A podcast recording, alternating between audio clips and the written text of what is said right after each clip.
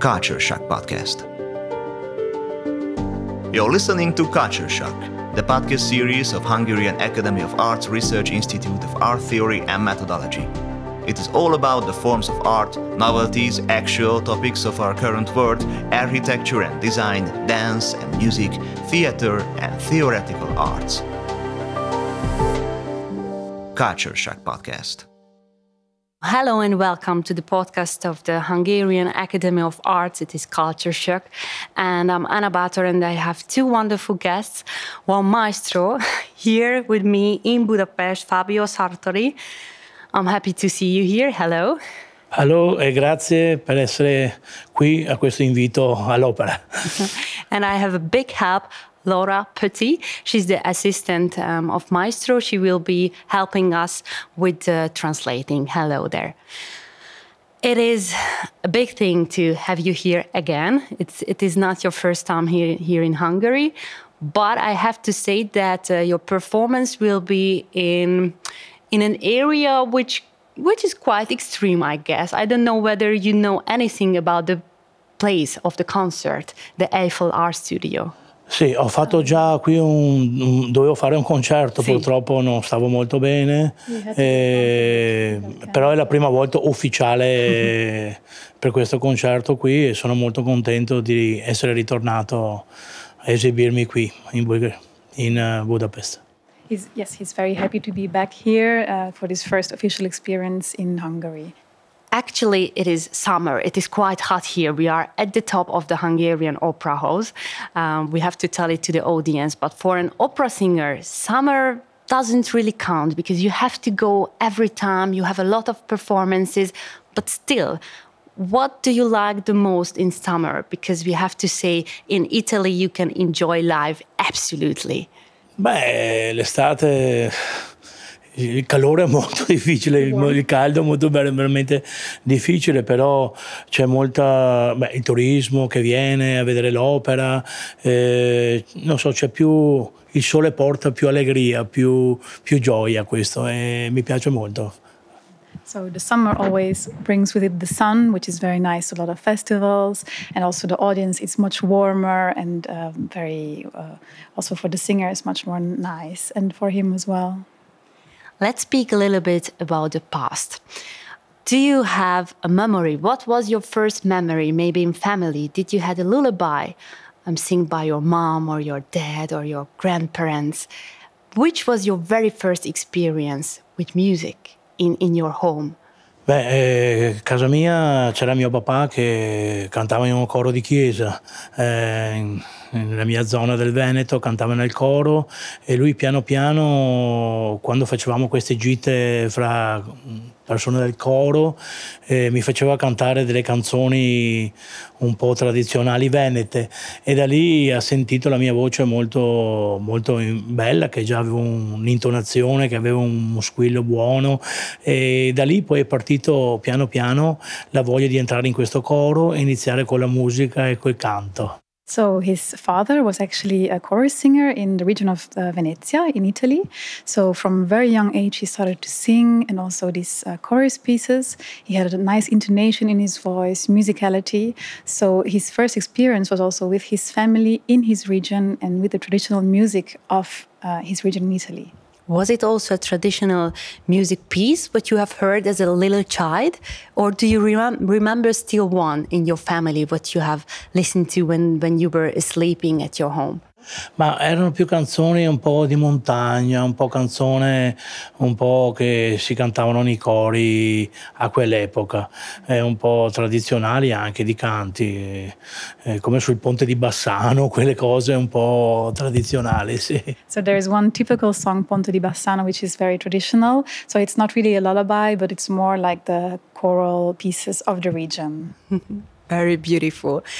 You had a lot of experience as a child in your in your family, as you have mentioned.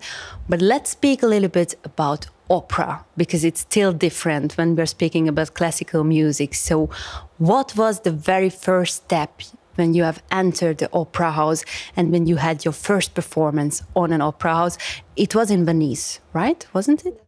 Sì, è stata la Fenice di Venezia con piccoli ruoli che facevo in Nine Heart nel Mosè di Rossini, poi ho fatto eh, Aufide, faccio tutte piccole particine che piccoli ruoli e poi ero entrato anche nel coro della, della, Fenice, ero entrato nel bicentenario famoso, cantavo nel coro e mi esibivo anche in piccole, quando c'erano le piccole audizioni facevo questi piccoli ruoli anche secondari. E poi avevano fatto questa famosa, eh, famoso concorso di la Bohème di Giovani, la Bohème di Giovani che ho partecipato e ho vinto questo, questa Bohème di Giovani, però nel frattempo io stavo facendo anche il concorso corso di Pavarotti eh, a Modena con, ehm, con, il maestro Leone Magera, che era il mio maestro, che è molto amico di Luciano, e Luciano mi aveva già subito selezionato per andare a Filadelfia per fare il concorso, però purtroppo non sono andato perché avendo vinto la Bohème di Giovani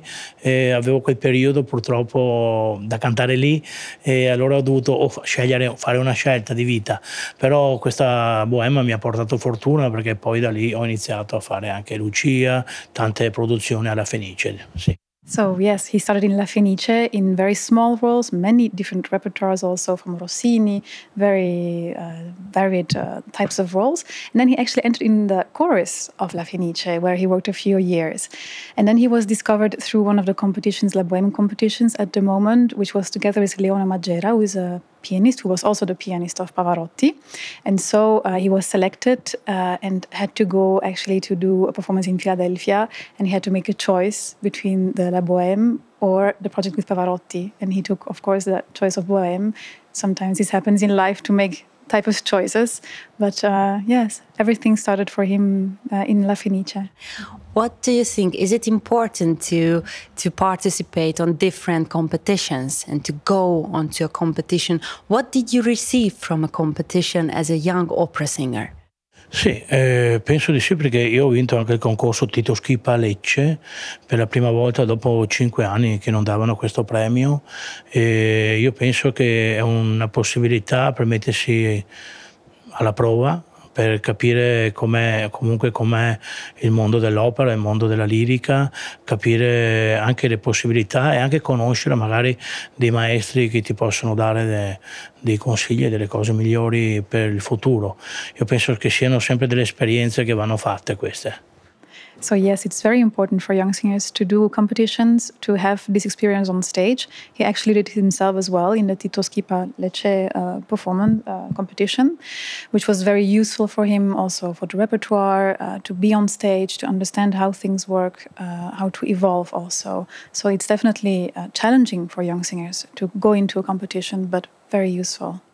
What could you say to yourself, to this 20 year old guy uh, with your with your head from today. So, what kind of advices could you give for yourself if we are going back to time 30 years? Ma guarda, io sono felice di quello che ho fatto sia vent'anni fa che adesso e mm, sono contento di quello che ho adesso e direi la stessa cosa di vent'anni fa. Non ho sbagliato nessun passo della vita, non ho sbagliato nel canto, eh, sono felice come sono arrivato, dove sono arrivato. Certo, ci sono state delle difficoltà, degli errori, ma questo insegnano a andare avanti, insegnano anche a maturare i ruoli che faccio, la carriera, la professionalità mia. Però oggi come oggi non ho niente da dire al Fabio di una volta, okay. si chiaro più giovane. so he actually says that there is nothing he would change, uh, nothing that he would do differently. There are no errors, and everything that he he's learned on this uh, path has made him only grow professionally and as a person. And he's also very sure of the choices that he's made vocally in his career, in his life. So looking back, he wouldn't change absolutely nothing. Well, that's a sentence from a very happy man. That's good to hear.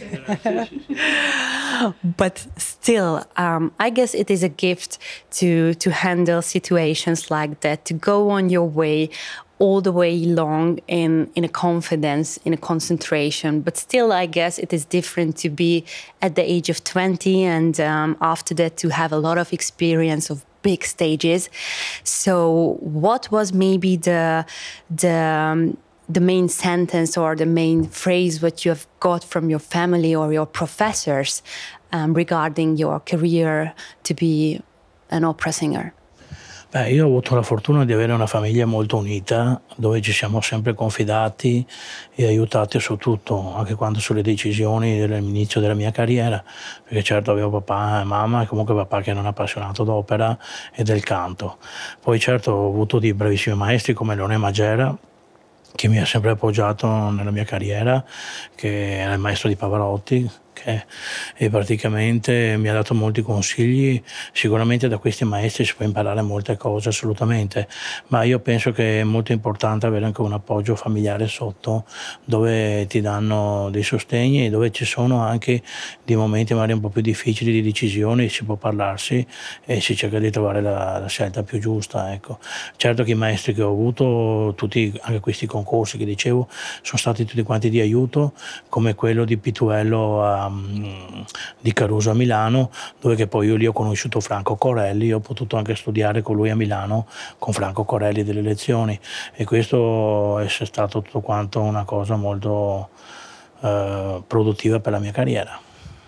One of his bases is actually his family. He comes from a very strong and united family. So all decisions are always made uh, also leaning onto this uh, family and this strong bond that he has.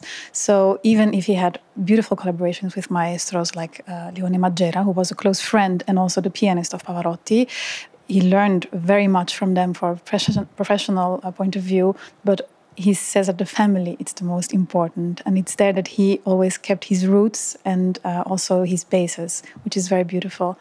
Uh, later on he also worked uh, among many teachers like also franco corelli in, uh, in master classes which was um, one of the greatest tenors of course uh, who taught him a lot. So you can always learn from the colleagues uh, from other singers but for him the family stays the most important Let's um, speak a little bit about this concert here in Budapest. You will have wonderful Hungarian colleagues, ladies. Um, which pieces will you will you perform with um, Maestro Balázs Kocsár? Did you already had a rehearsal? Um, what's the difference between a concert and between a semi-stage or, or an opera production? I guess you have to put all your emotions inside in every way. Is it right?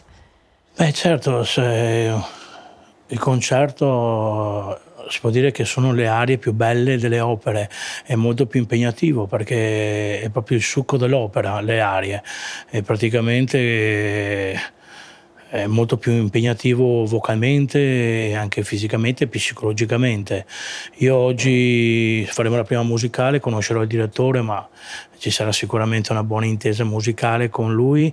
Ho lavorato già con questa soprano, amica mia, Cecilia Boros, che è mia amica anche, che ha fatto delle produzioni molto anni fa e poi gli altri del cast non conosco, però sono molto felice di essere qui e cantare in questo bellissimo teatro, tutto nuovo, tutto bello e mi emoziona molto perché ehm, il concerto abbiamo scelto delle arie, un repertorio che è abbastanza su Verdi, praticamente, che è la mia più specialità vocale, si può dire.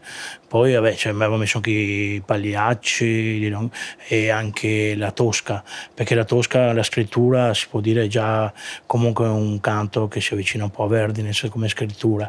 Però eh, tutte arie che comunque io ho sempre nel cuore e cerco di dare sempre molta emozione al pubblico che sarà qui presente. So the beautiful thing about a concert is that it's the highlights of the opera. So you have the most beautiful pieces of every opera combined in one concert, which makes it also very intense for the singer, uh, vocally, uh, psychologically, physically, to be there. Uh, it's a lot more attention and not more pressure on his shoulders, of course. He knows one of the colleagues, uh, Cecilia, who they have worked together. The other ones they will meet today when they will have the first musical rehearsal with Maestro. And uh, of course, the repertoire is around Verdi, which is one of his uh, most favorite composers and also which is very close to his vocality and his repertoire. So he feels very, very close to the music of Verdi and uh, the way that Verdi writes the arias. So the most beautiful highlights of all this repertoire.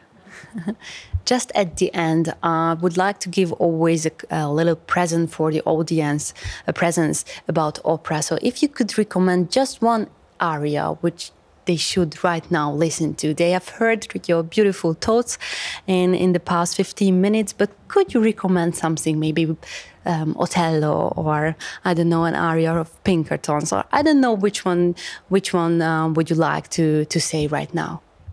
No, eh, ma parlo in generale come opera? O... Sì. Beh, guardi, io ho debuttato un bellissimo Otello con maestro Zubin Mehta, che è stata un'esperienza lavorata molto molto pro approfittato proprio di lavorare anche con lui e ho avuto la fortuna anche di fare delle prove con il maestro Placido Domingo, dove Placido ha già cantato questa opera nella sua carriera e ho lavorato per dei consigli nel modo di interpretare di, e di fare questo già.